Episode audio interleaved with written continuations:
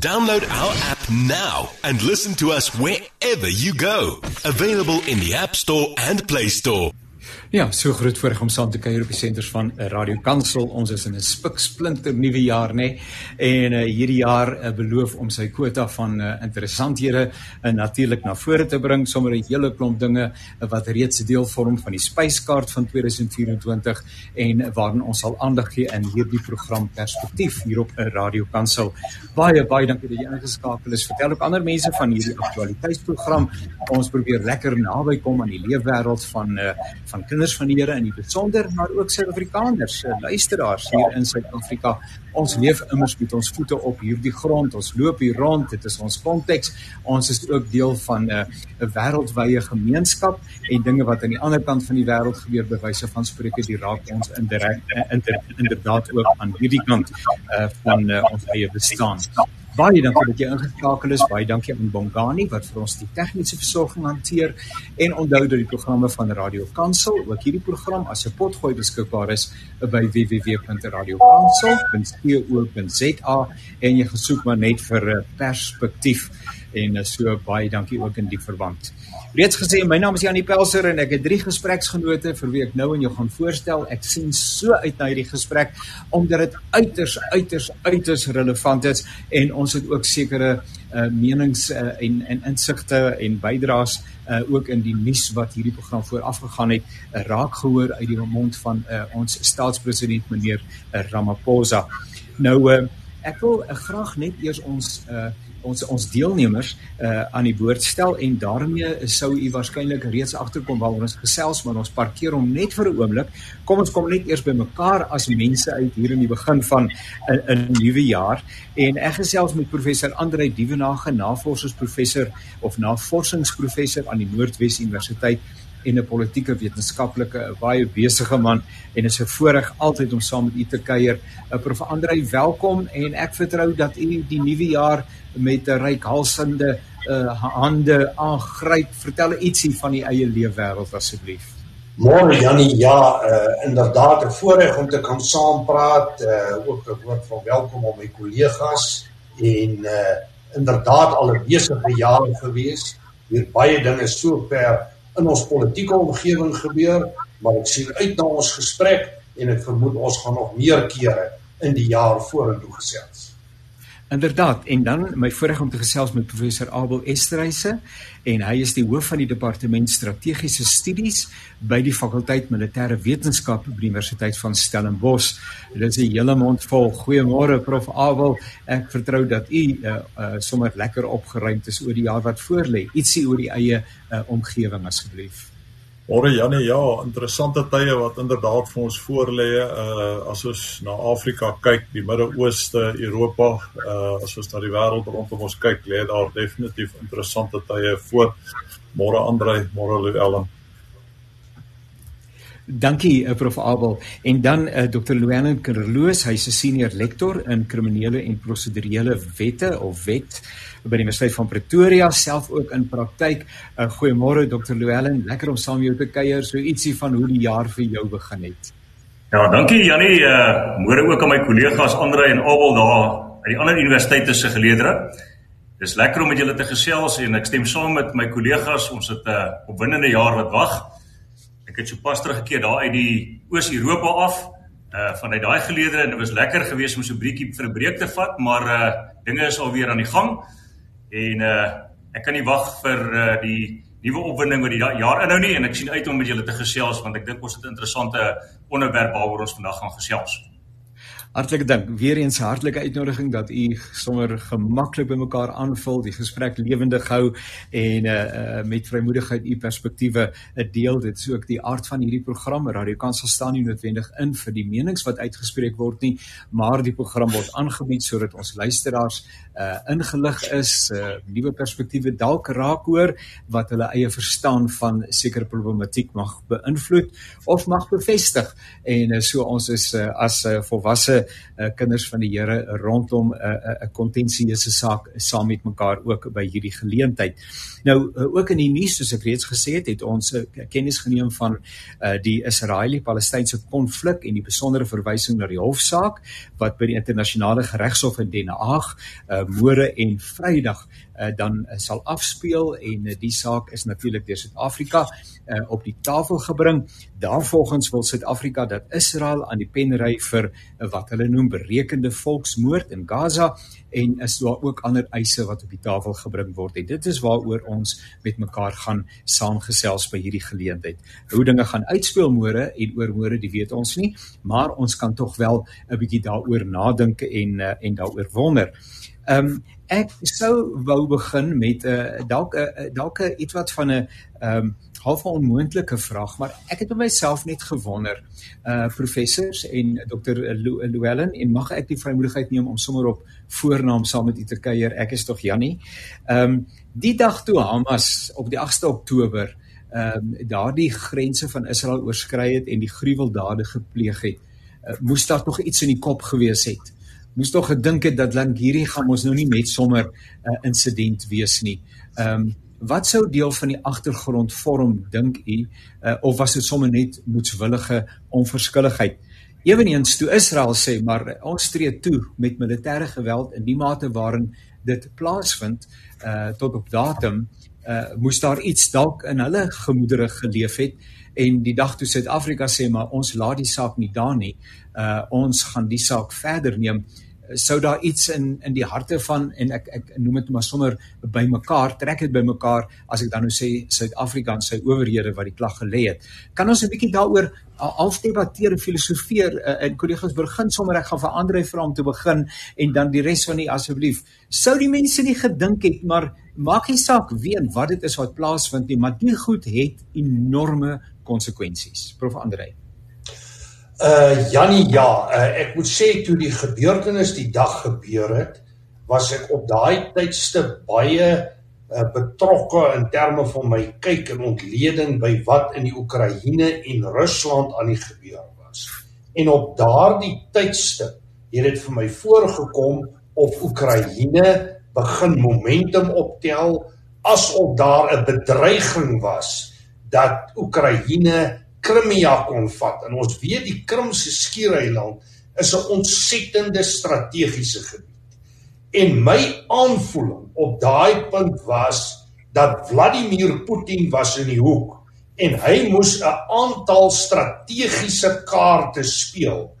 En ons weet van gesprekke wat plaasgevind het tussen Putin en die Iranse leierskap, hulle betrokkeheid in Sirië en so aan.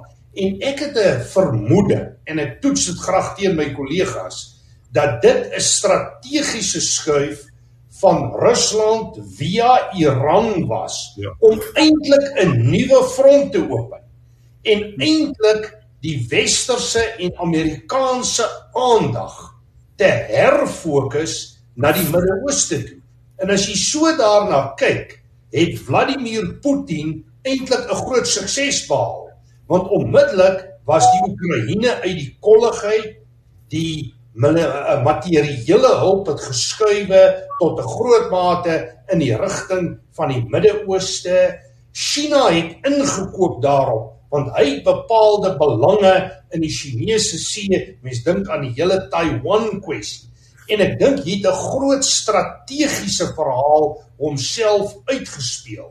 En ek lees dit as die agtergrond en die konteks tot die hele hofsaak wat ons nou het en waar ja. Suid-Afrika hom dan op 'n spesifieke lyn geposisioneer het.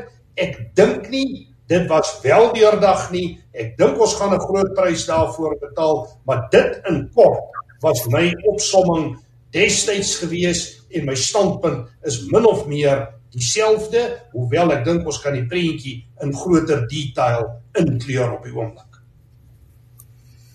Janie, kan ek kan ek inkom hier? Ek dink uh Andre is 100% reg uh dat Rusland was 'n faktor in hierdie konflik. Dis dis een deel van die verhaal. Daar's 'n ander verhaal dink ek wat hiermee saamhang, soos die dominee sal sê.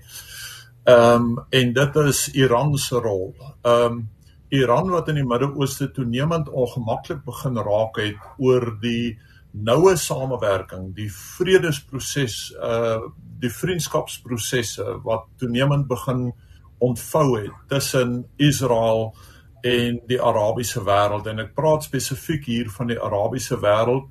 Ek praat spesifiek van die Sunni Moslem wêreld. Ehm um, en ek ek ek verwys spesifiek hier na die verhouding wat daar ontwikkel het tussen Israel, Jordanië, Israel, Egipte, Israel en ehm um, Saudi-Arabië, die Verenigde Arabiese Emirate. Israel wat eintlik ehm um, uh, in 'n in 'n baie baie nou ekonomiese en en militêre vennootskap met hierdie lande begin opereer. En dan moet jy na uh Iran se rol gaan kyk uh en hoe die Shiite toenemend betrokke begin raak het uh in wat in Jemen ontvou het hulle steun aan die Houthis uh wat in ehm um, uh, hulle steun aan aan Hamas en en Hezbollah hulle steun aan die regering in Sirië. So uh, daar's ook 'n uh, Midde-Oosterse storie wat uh, ek dink Hamas uh, onder lê. En jy weet dan moet 'n mens bereken dat Hamas se leiers um, in die jaar voor die aanval uh, drie keer Moskou besoek het en dis baie baie insiggewend uh, teen die agtergrond van wat uh Andrei Andrei sê. En so om jou vraag te beantwoord, ek dink uh hier was 'n uh, groter motivering uh agter Hamas se aanval en dat Hamas as entiteit as as strategiese akteur self nie hierdie hierdie aanval goed deurdink het nie maar dat hulle uh gereageer het op motiverings wat uh wat vanuit ander oorde gekom het. Ja, Al wat oorbly is vir my om iets by te voeg, Jannie. Asseblief. Um, dit klink vir my dat ek in goeie geselskap verkeer as ek uh, die standpunt huldig dat definitief hierdie hele Israel Hamas uh toedrag van sake 'n lang pad stap en definitief ook gekoppel moet en kan word aan die hele Rusland um en Oekraïne oorlog.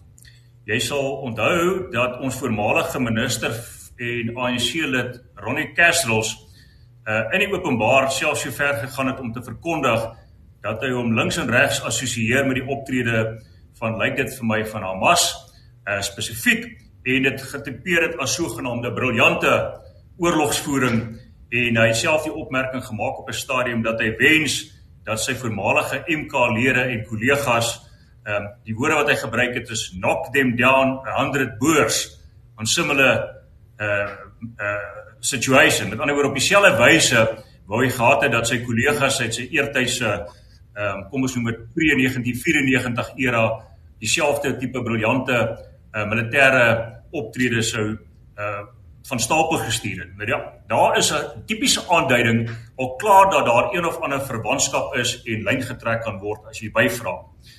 Dan het die daaropvolgende Hezbollah en en Iran spesifiek dan daarop gereageer en op 'n stadium toe vir Amerika spesifiek ehm um, uh, natuurlik aan boord gekry deur vir hulle te dring eh uh, uh, weet te sê maar kyk hierso uh, ons gee vir julle 'n spertyd.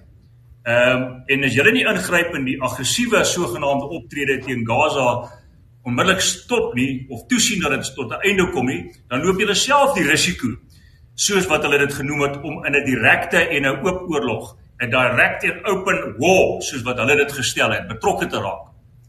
Nou ja, dit met ander woorde wat ons vir mekaar moet sê is dat daar definitiewe uh, beplanning hier agter gegaan het om uh, nie net die Amerikas betrokke te kry nie, maar ook een een al hierdie state wat tradisioneel miskien hulle aan die Israel kant geskaar het en eintlik as ware teen Rusland ehm um, dan sou gesien geword het in die openbare arena.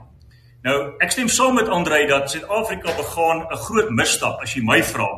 Nou om Israel net doeteenvoudig voor die internasionale regshof in die Haag te daag, buiten dat ek dink mense behoort nie sommer net skerp naels in 'n leeu se oog te steek nie, want ons het eintlik as ware uh, per se nie direk enige ander uh voordeel wat ons daaruit kan kry behalwe om vir ons natuurlik uh onnodige druk vanuit veral die Amerika en miskien dan die Joodse wêreld uh, op die hals te haal nie. En ons weet reeds hoe sensitief ons ekonomie is en gesien miskien in die AGOA uh, oor die inkomste wat weer eens in die openbaar was die laaste tyd, uh, dink ek dit was die mees onnooselde optrede wat ons miskien van ons regering tot op in in 'n in 'n in die onlangse uh, verlede gesien het. Ek twyfel of die Suid-Afrikaanse regspan en dit is en ek sal daarmee voorstaan vir nou eers. Natuurlik al die feite ehm um, op 'n ewewigtige wyse in hulle 84 bladsye dokument en hofstukke voor uh, die internasionale regshof geplaas het. Nou daardie probeer ek nie sê dat daar nie aspekte is wat definitiewe antwoorde verg van Israel en van die regspan van Israel nie, maar wat ek probeer sê is dis dit lyk vir my of dit 'n baie eensydige uh kom ons noem dit dan nou hoofde van betoog is wat hulle voor die hof geplaas het. En uit regsbeginsels en regsoorwegings weet ons dat dit nie die ideale strategie is nie. Jy moet daarom kan toegee wanneer jy ook verkeerd is en wanneer jy met vuil hande voor 'n 'n 'n hof staan. En op daardie basis is Suid-Afrika natuurlik nie sonder kritiek nie. Ons weet van die van die van die gebeure van Al-Bashir in 2015. Ons weet dat Suid-Afrika in minagting van dieselfde hof is wat hulle nou op 'n stadium die jurisdiksie wou ontken en nou skielik op die jurisdiksie wil staatmaak. Ons weet van die onlangse gebeure en uh gesprekvoering tussen ons staatspresident en uh Sudanese leiers en ander um kom ons noem dit nou maar ongure karakters. Um en ons sou kan ons miskien aangaan. En ons weet die ondersteuning van Suid-Afrika rondom Putin. Nou met al hierdie goedes as agtergrond in hierdie kom ons noem dit nou hierdie pot uh wat besig is om met die kook te raak te gooi dink ek Suid-Afrika het te vinnig uit hulle blokke gekom om dood eenvoudig te dink hulle gaan nou die hele wêreld verander deur internasionale regshof toe te hardloop. Ehm um, en my uh ons sal miskien later bietjie meer daaroor gesels, maar ek is bevrees ek dink ons was dalk 'n bietjie vinnig uit die blokke uit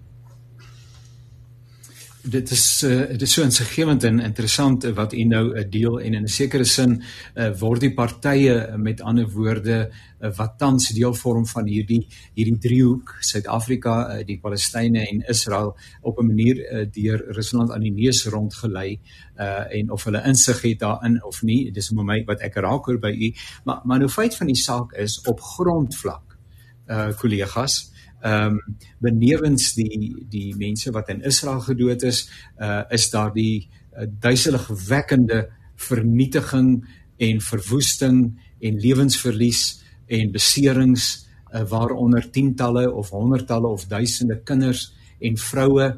Uh wie soos in 'n opname wat ek waarna ek gisterand luister, hulle enigste skuld is dat hulle in in Gaza woon, dat hulle Palestynë is.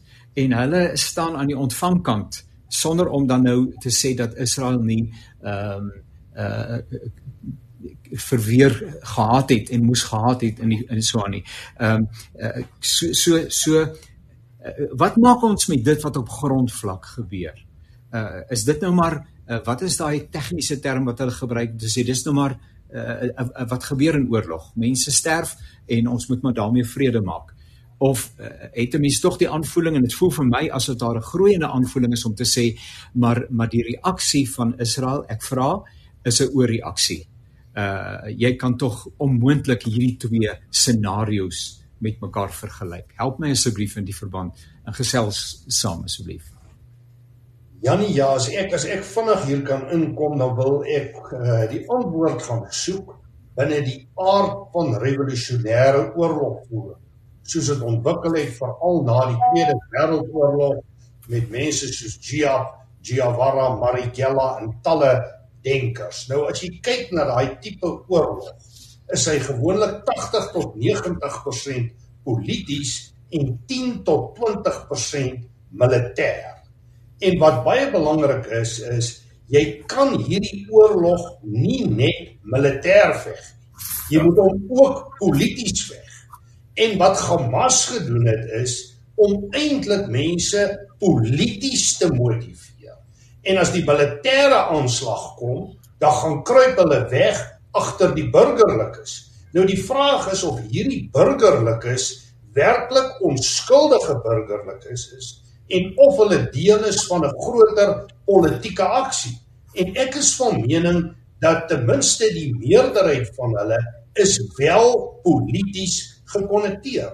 Ons weet die ANC het destyds in die bevrydingsstryd ook gebruik gemaak van kinders en die jeug in terme van dade van terreur en dade van terrorisme. So jy kan nie hier kliniese konvensionele militêre lyne gebruik om hierdie oorlog te analiseer nie. Dis die eerste punt wat ek wil maak. Die tweede punt wat ek wil maak is dat Israel nou al vir 'n lang periode as dit ware geteken word. Dis nie net 7 Oktober nie. Hier is gereelde vuurpyl aanvalle vanuit verskillende oorde ondersteun deur Iran, Sirië, daar's 'n Russiese invloed daarbey betrokke en so meer. En tog wil ek dan die derde punt maak en dit is dat die Israelies tog op 'n manier probeer om burgerlike ongevalle te bestuur. Hulle maak gebruik van sekere bomme wat eintlik vir mense aandui hier word nou 'n uh, teiken geïdentifiseer, daai bomme rig min skade aan, daar word gebruik gemaak van pamflette en uh, goed wat versprei word en dan ook uh selfoonoproepe en boodskappe om vir mense aan te dui. En ek dink hierdie aspekte maak die Joodse saak baie sterker. En ek stem saam en ons praat nou hier van reeds 23000 mense wat dood is aan die kant van uh die Gaza strook, aan die ander kant 1200 1300 dood aan die Israeliese kant. Iewers moet daar 'n grens getrek word. Maar ek is bevrees en dis bloot my kyk en ek sou graag die kollegas daaroor wil wil aanhoor is aan die een kant sit jy met 'n klop regsbeginsels, regsnorme waarna Louwelen verwys het. Maar aan die ander kant sit jy met 'n magsomgewing en hier speel politiek, strategie en so meer 'n rol. En ek is bereid om te sê dat die magsomgewing is baie sterker as die regsomgewing. En uiteindelik gaan magsfaktore die regsfaktore en die regsomgewing dikteer. En ons moet net onthou dat Hamas, die Hezbollah, Iran, China, Rusland in baie opsigte Tsjetsjenië is 'n voorbeeld, die huidige oorlog in die Oekraïne het allermins 'n skoon menseregte rekord. En ek dink hierdie omstandighede begunstig die Israel saak. Daar's 'n laaste punt wat ek wil maak en ek sal baie graag Abel en Lohellen se perspektief daaroor wil hoor. So jaar of 2, 3 gelede het 'n uh, eh, minister aan meneer Ramaphosa redelik vinnig van Lindiwe Sisulu as minister van buitelandse sake ontslaag geraak gegee 'n insident rondom Israel. En die beeld is geskep dat die Ramaphosa regering eintlik baie sensitief vir die Joodse koneksie en nie 'n konflik op daai lyn wou sien. En die verklaring daarvoor is tot 'n groot mate ekonomies en ook finansiëel en natuurlik die belange wat Israel dra binne 'n groter westerse wêreld wat ekonomies baie meer strategies is vir Suid-Afrika as die BRICS konteks. Maar nou Suid-Afrika in beweeg in 'n posisie wat ek amper wil sê min state in die wêreld hulle graag sou wou bevind gegeewe die breë belange omgewing van state in die wêreldpolitiek die invloed van die weste. Nou wat het Suid-Afrika gedwing tot hierdie skuif en ek tel 'n paar goed op. Die eerste is dat Suid-Afrika hom baie sterk verbind het tot die BRICS konteks en BRICS as 'n teenvoeter teen die weste. Dis die eerste punt. Die tweede een is dat Suid-Afrika ekonomies en finansiëel in 'n krisis is en in terme van 'n ooreenkoms met die Russe binne 'n BRICS konteks kan ons baie goedkoop ruolie in die hande kry en ruolie is tans krities vir kragopwekking in Suid-Afrika. So dit lyk vir my dit is die redes en dan die derde faktor Ramaphosa veg die moeilikste verkiesing in Suid-Afrika ANC gesproke sedert 94 en hulle probeer 'n stukkie morele grond definieer onder hulle ondersteuners. En dit lyk vir my of dit die beweeg redes is vir Suid-Afrika om daai pad te loop maar ek dink dis 'n pad van hoë risiko en ek dink ons gaan 'n groot negatiewe prys éventueel hiervoor betaal. Andre baie dankie. Jy gee nou sommer vir my ook insig, maar ek wil aansluit by by by wat jy sê. Ehm um, daar's vir my 'n vraag wat in die lug hang en dis die vraag tot watter mate die ANC en ek verwys spesifiek hier na die na, na die ANC, nie die Suid-Afrikaanse regering nie, maar tot watter mate die ANC uh as as uh kom ons noem bondgenoot van Hamas. Ehm uh, die Suid-Afrikaanse optrede onder lê. Uh, met ander woorde dat die motivering vir wat Suid-Afrika doen nie noodwendig vanuit die ANC of kom ons sê dan nou maar die Suid-Afrikaanse regering kom nie, maar daar dat daar 'n breër uh motiverings ehm um, wêreld is waar Hamas 'n rol speel, waar Rusland 'n rol speel en waar selfs Iran 'n rol speel. Dit wat ons vroeër oor gepraat het dat Suid-Afrika deel word van hierdie breër wêreld uh met dit wat wat hy nou doen. Ehm um, dan dink ek is is dit 'n belangrike vraag rondom die ANC en die verkiesing wat jy aangeraak het. Ehm um, omdat hier vir my 'n stuk verlore glorie, verlore aansien is waar die ANC 'n verlore hoëgrond, morele hoëgrond as ek dit so kan stel. Maar die ANC wil dit vir my wil lyk like, uh, wil herwin, 'n morele hoëgrond wat hulle laas onder Nelson Mandela gehad het, uh wat hulle wil herwin hier en dat hulle tot 'n mate toe tweedens miskien besig is met projeksie dat hulle hulle mislukkings binnelandse politieke mislukkings nou besig is om uh op buitelandse beleid uh, te projekteer. Dis 'n vraag wat ek vra, dis nie 'n stelling wat ek maak nie, maar dis 'n vraag wat ek wat ek vra. En en en dan derdens, jy weet, is daar vir my ehm um, vanuit ANC perspektief 'n vraag rondom legitimiteit en en tot watter mate doen die ANC probeer om verlore aansien, verlore legitimiteit te herwin as as politieke entiteit in Suid-Afrika met met wat hulle probeer doen. Ehm um, so dis ook vir my ehm um, 'n groot vraag.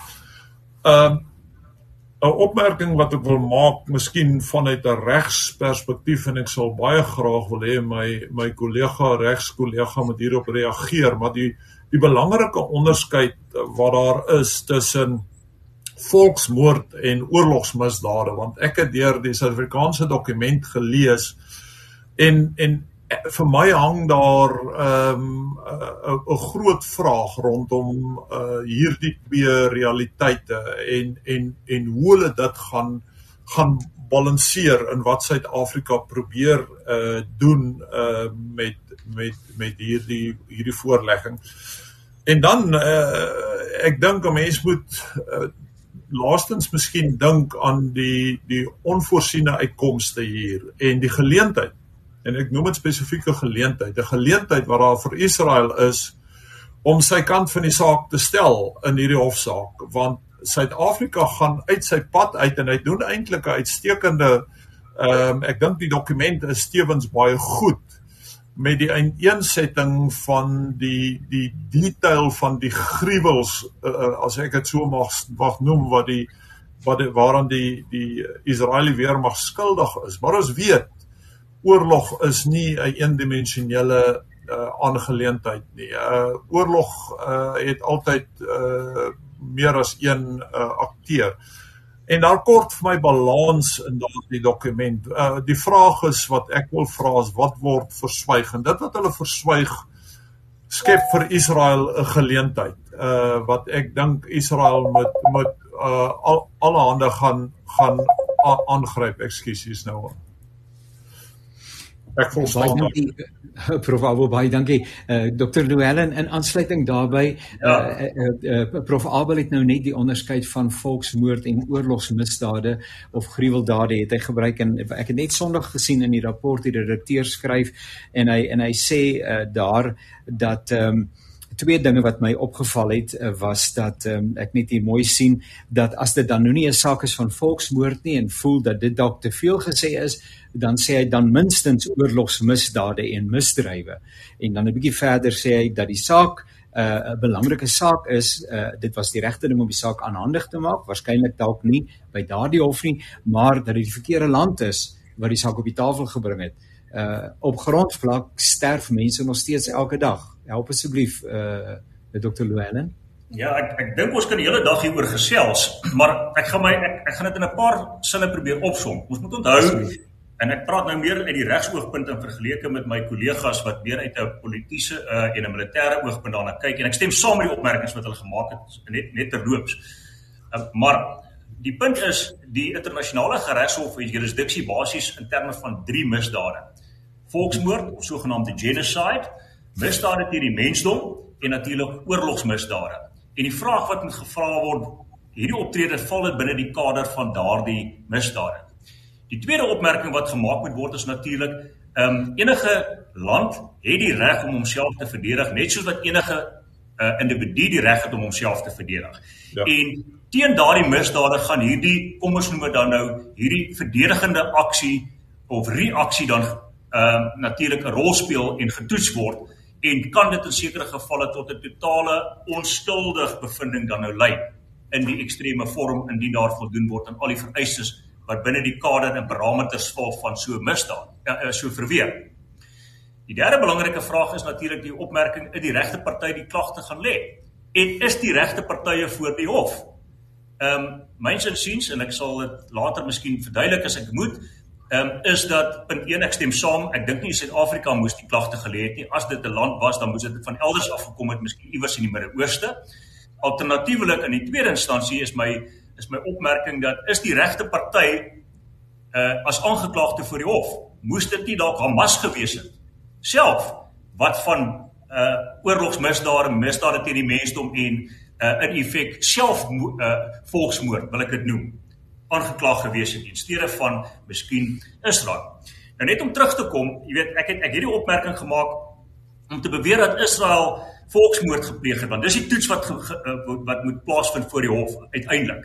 Ons vra net vir twee dinge in hierdie hof Suid-Afrika. Ons vra dat Israel aangekla skuldig bevind moet word aan volksmoord, genocide en tweedens dat 'n dringende kom ons noem dit nou maar interdik uitgereik moet word waarin hulle alle militêre optrede uh en operasies onmiddellik moet stop. Dis die twee goed wat Suid-Afrika vra. Ja. Nou goed, om te beweer dat Israel volksmoord gepleeg het, stem ek saam is hopeloos te simplisties gestel. Jy weet, dit is 'n eensidedige dokument wat wat ek al van tevore opgemerk het en ek dink daai balans waarna Abel verwys het, ontbreek in ons stukke.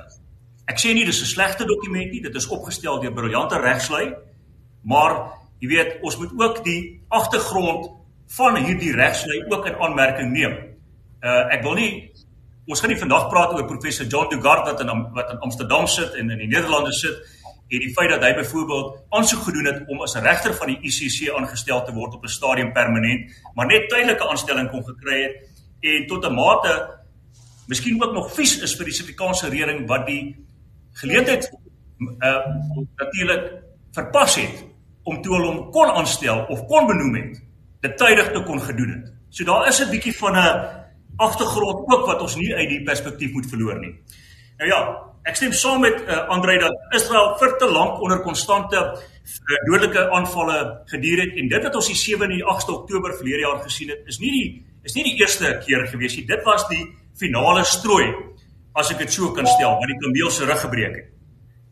Toe het Israel natuurlik voortgegaan en hulle ten minste 10 dae vooraf waarskuwings gegee aan die algemene publiek van Palestina in die Gaza-strook om die terrein te verlaat. Nou of dit nou genoeg is, dit is 'n ander aspek wat ons kan miskien oor beredeneer, maar die punt is dit is nie dat daar onmiddellik links en regs begin skiet is en uh moorde pleeg en mense van die publiek sommer doodsluiters in die straat uh uh aangeraand is, doodgeskiet is en vernietig is nie.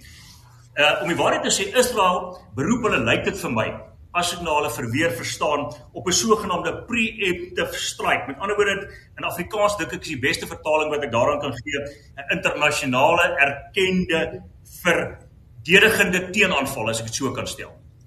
Dis die enigste een aspek. Die ander aspek is natuurlik die feit dat daarvan hulle eie mense natuurlik as gijslaers aangehou was en bevry moes word. En die situasie is nog nie uh, ten einde nie om die waarheid te sê van daardie gijslaers wat intussen tyd bevry is, het met die sak patats voor in dag gekom en in die wêreld internasionale media verklaar tot watter mate daardie ehm um, aanvalle plaasgevind het. Dit is skreiende menseregte vergrype wat plaasgevind het.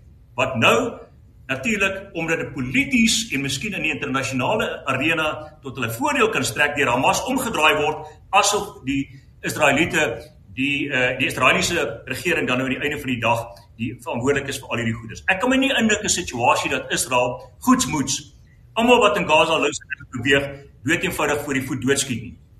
Jy moet onthou, ons sit met 'n oorlog. Die oomblik as 'n vuurpyl gelanseer is, die oomblik as 'n pyl en boog, as die pyl 'n boog verlaat, dan is daar konsekwensies wat gaan plaasvind. Daai pyl het afgeskiet en hy kan nie weer terugkom in die koker nie. Dit is ongelukkig die realiteit van die saak. Nou jy sal onthou dat Hamas ongelooflik goed ingegrawe is onder andere in die tonnels, openbare geboue, hospitale en by uitstek bekend is daarvoor dat hulle lede van die Palestynse publiek self gebruik om hulle operasionele uh oorlogsmisdade te verbloem en selfs agteraf te skuil.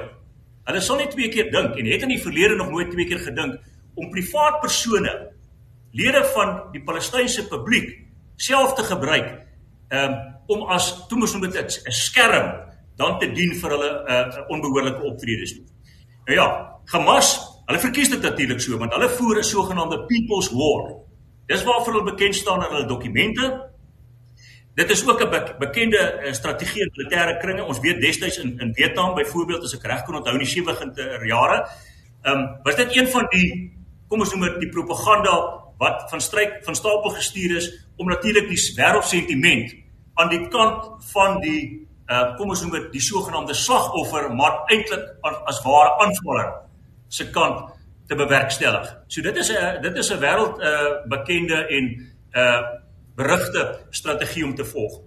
Hamas het van die begin af, as jy my vra, hulle vereenselwig met die besliste wete dat daar kruisvuur gaan wees en dat hulle self eintlik indirek verantwoordelik is vir die verliese wat moontlik gelei sal word aan hulle eie geleedere, die dood van eh, Palestynse uh, mense. En van daar my opmerking van tevore dat ek van oordeel is dat Hamas eintlik die persone is of die instansie of die entiteit of organisasie is wat aangekla moet word voor die internasionale regshof van self volksmoord. Dis wat ek dit wil noem uh, ek weet nie waar so erkende woord is in die in die in die in die, in die reg nie, maar dit is volksmoord, maar wat uit eie geleedere geïnisieer word as jy my vra.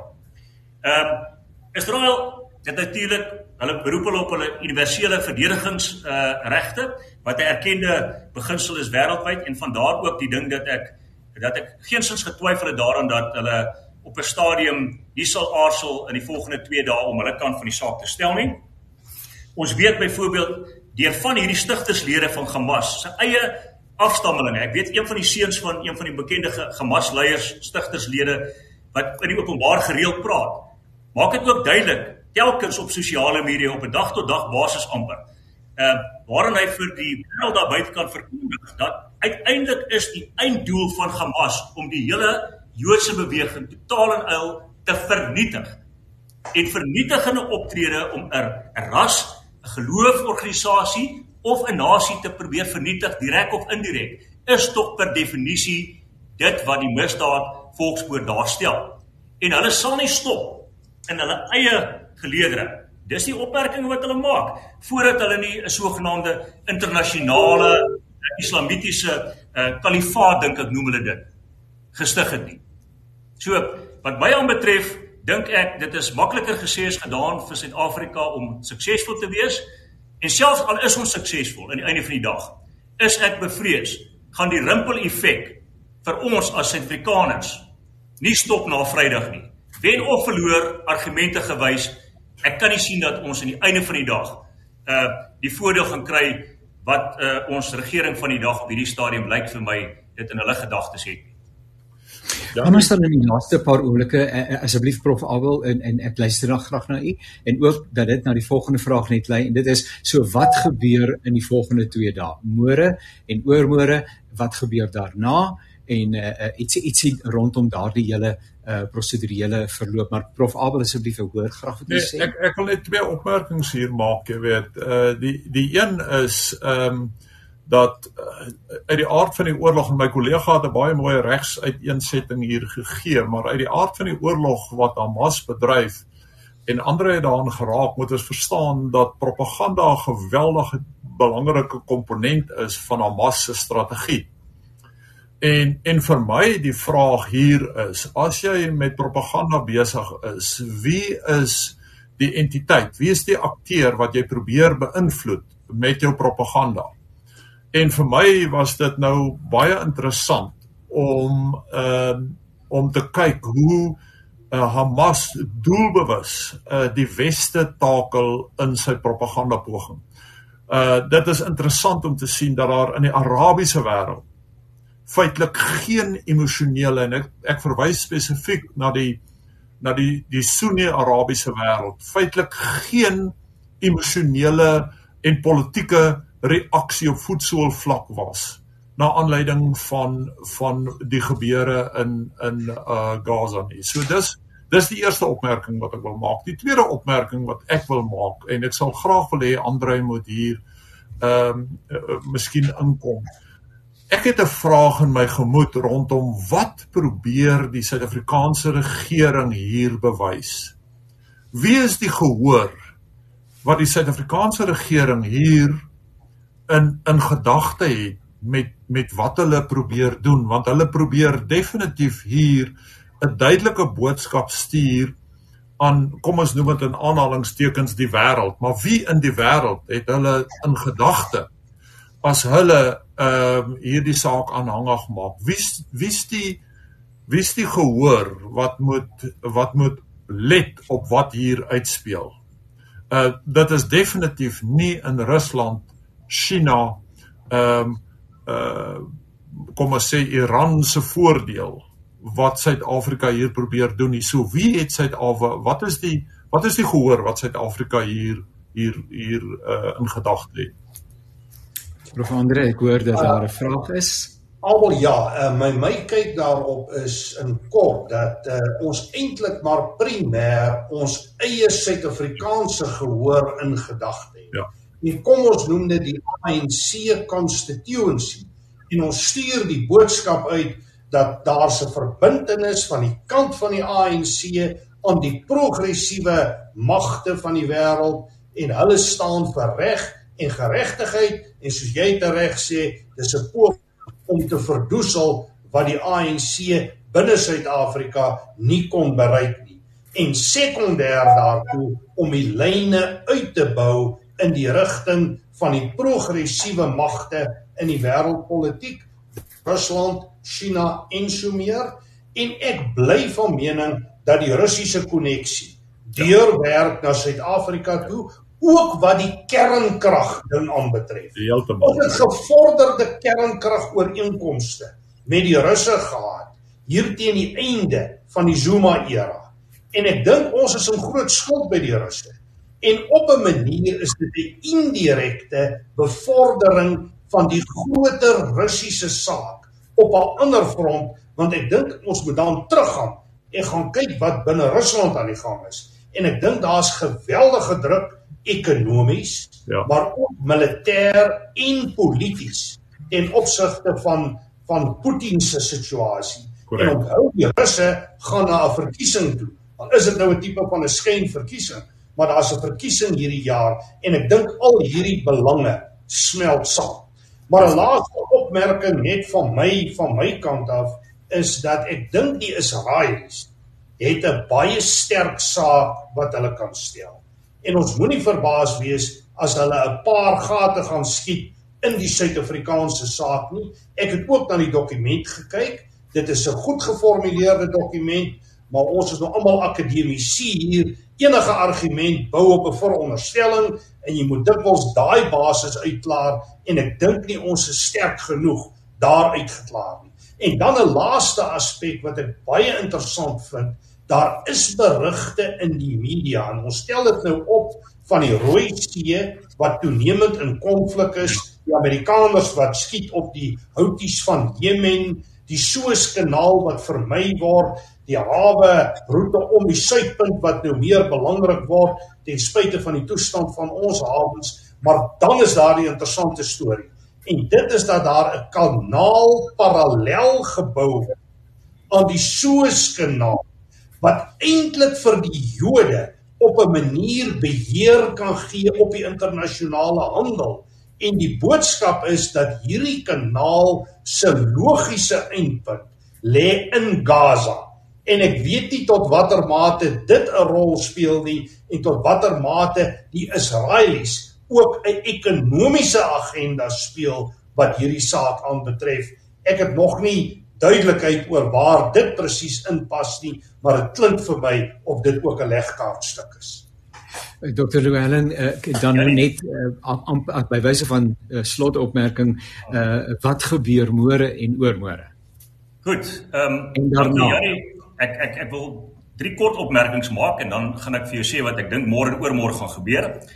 Ehm um, meer uit 'n ander strategiese oogpunt. Kom ons kyk meer na 'n regsoogpunt daarna en ek wil 'n bietjie balans gee in ons gesprek deur daarom erkenning te gee vir wat in daardie dokument tot voordeel van die argument van Suid-Afrika teenoor dan nou die Israelies sal wees en dit is natuurlik dat daar bewering is dat Suid-Afrika dat Israel natuurlik min of meer 28 sogenaamde resolusies van die Verenigde Nasies se Veiligheidsraad oorskry het uh, en by implikasie ook uh, artikel 49 van die 4de Geneefse konvensie oorskry het. Nou dit help nou nie ons gaan in op al daardie goed nie want dit is 'n magdom natuurlik artikels op sigself, maar dit is die die agtergrond waarteen Suid-Afrika hulle hulle linies op opstel vir hierdie gevegsfront in die hof. Daarteenoor het die Israelies gekies om vir Michael Swart, as ek sê reg sê van reg uitspreek, natuurlik aan boord te kry om hulle 'n uh, saak vir hulle te stel. Nou hierdie persoon is natuurlik in wêreldterme, ek wil amper sê die mees uh, gerespekteerde uh, internasionale akademikus en praktisyn op internasionale reg vir hierdie tipe ding. Hy het die handboek letterlik geskryf vir dit wat die internasionale geregshof gebruik om die oordeel te lewer en uitspraak te gee oor wat môre en oormôre voor hulle geargumenteer gaan word. En as hy in sy hofstukke nie daardie bevestiging gee dat daar oortrede volksmoord ensovoorts gepleeg is nie, dan dan gaan dit 'n baie baie goeie betoog van Suid-Afrikaanse regspan wat natuurlik sterk is, verg om die regters te oortuig dat die persoon wat die handboek geskryf het verkeerd is in sy eie uh argumente. Ehm um, vir wat dit mag werd wees, Israel is natuurlik self bekend daarvoor dat hulle per capita hulle het 7000 geregistreerde prokureurs en regslui uh in hulle geleedere per capita van 8 miljard me miljoen mense. Wat beteken wêreldwyd is daar een prokureur in Israel vir elke 114 uh, mense.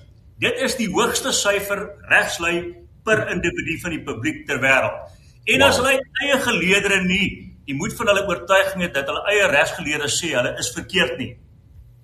Wie is die wêreld dan om vir hulle te sê julle het menseregte skendings van die formaat wat normaalweg aangehoor word in die internasionale geregshof gepleeg. Ek meen menseregte uh, regsgeleerdes is die eerstes in jou eie geleedere wat gewoonlik opstaan en sê ons regering is verkeerd. Ons sien dit elke dag in Suid-Afrika in baie gevalle. Maar in Israel het ons dit nog nie gesien nie. Waarskynlik omdat die teenargument die korrekte argument dan daar stel, as jy my vra. Nou goed. Jy het gevra wat gaan gebeur môre en oormôre? Uh die argumente gaan aangehoor word. Ek weet nie of daar dadelik uitsprake gelewer sal word nie. Ek dink dis sal prematuur wees. Hulle sal waarskynlik eers 'n bietjie wil gaan dooierus vat en dink oor die saak en dan met 'n uitspraak voor in dag kom in die in die hoop dat daar intussen tyd uh kom ons noem dit nou maar intervensie gevolge daarso wat dit dalk nie nodig maak vir hulle om verder daaroor uitspraak te lewer dalk nie. Dis die een ding. 'n Laaste opmerking van my punt af is natuurlik ek het verneem dat respondente waaronder uh wat natuurlik deelgeneem het aan Eh, kom ons noem dit dan nou maar ondersoek 'n uh, 'n referendum eintlik wat plaasgevind het in Israel het daarop gedui dat aanvanklik was daar in 2021 sogenaamd 34% van die respondente wat deelgeneem het wat natuurlik Hamas ondersteun het. Dit het intussen tyd gekrimp tot op hede na min of meer 27% terwyl die politieke leiers wat in bewind is heidaglik in die Gaza-streek totdat die oorlog uh, uh, uh, afgeskop het 30% vir Fatah wat natuurlik deur uh, Abbas gelei word in die Gaza-streek ondersteun word. So ook in eie geleedere in die Palestynse Palestynse ehm um, kom ons noem dit nou maar publiek is daar definitief nie hierdie enorme ondersteuning vir Hamas soos wat hulle wêreldwyd probeer in die kom ons noem dit in die Iraanse ehm um, en en en en en territoriale gebiede daar in Saudi-Arabië en dis meer probeer van stapel stuur en probeer die wêreld wys maak. So ek het 'n hele paar opmerke daaroor, maar ek sal verstaan vir vandag se gesprek deur te sê, ehm um, ek dink dit gaan interessant wees om die debatte te antwoord. Ek dink dit gaan die volle 2 dae duur, maar ek is nie oortuig dat eh uh, wat ook al die uitspraak gaan wees dat Suid-Afrika enige noemenswaardige voordeel daarin kan kry nie. Ek dink intedeel juist die teenoorgestelde is moontlik ons realiteit vir die vir die afsienbare toekoms. Kollegas ons sal daarmee moet volstaan en inderdaad ons sou seker baie baie lank hieroor kon gesels. Uh, dit is 'n heerlike leersame uh, geleentheid vir myself en ook vir ons luisteraars. Baie perspektiewe wat op die tafel kom wat ou nie altyd bedink nie. Die dinge is baie kompleks, baie geïntegreerd en uh, ek dink dat Jan publiek myself ingesluit kyk met uh, met uh, met die oog en jy sien wat gebeur, maar uh, dit wat in die in die in die agtergrond uh, en wat die as deel van die onderbou is, die gaan uh, dikwels by mens verby. 'n Deelnemers aan hierdie program is professor Andri Dievenaar Gys, navorsingsprofessor aan die Noordwes Universiteit en 'n politieke wetenskaplike. Uh, professor Andri, baie baie dankie. Dankie. En dan uh, professor Abel Esterhuise en hy's die hoof van die departement van strategiese studie in die fakulteit militêre wetenskap Universiteit van Stellenbosch. Professor Abel, baie dankie. Dankie Janie. En dan my voorreg om ook te kon gesels met Dr. Louwelen Kerloos, 'n senior lektor in kriminele en prosedurele reg by Universiteit van Pretoria. Baie dankie uh Dr. Louwelen. Dankie Janie en dankie kollegas. En weer 'n keer aan Bongani, dankie vir die tegniese versorging. Luisteraars, onthou jy kan as potgooi hierna weer 'n keer luister en uh, as die Here vir ons spaar, uh, dan uh, dan uh, gesels ons uh, in die nabye toekoms weer verder met mekaar. Uh, Daarbenemens is ons mense van geloof en gebed en uh, hou ons nie op om te bid dat daar ook wat hierdie saak betref uitkoms mag kom. Tot 'n volgende keer. Alles wat mooi is. Download our app now and listen to us wherever you go. Available in the App Store and Play Store.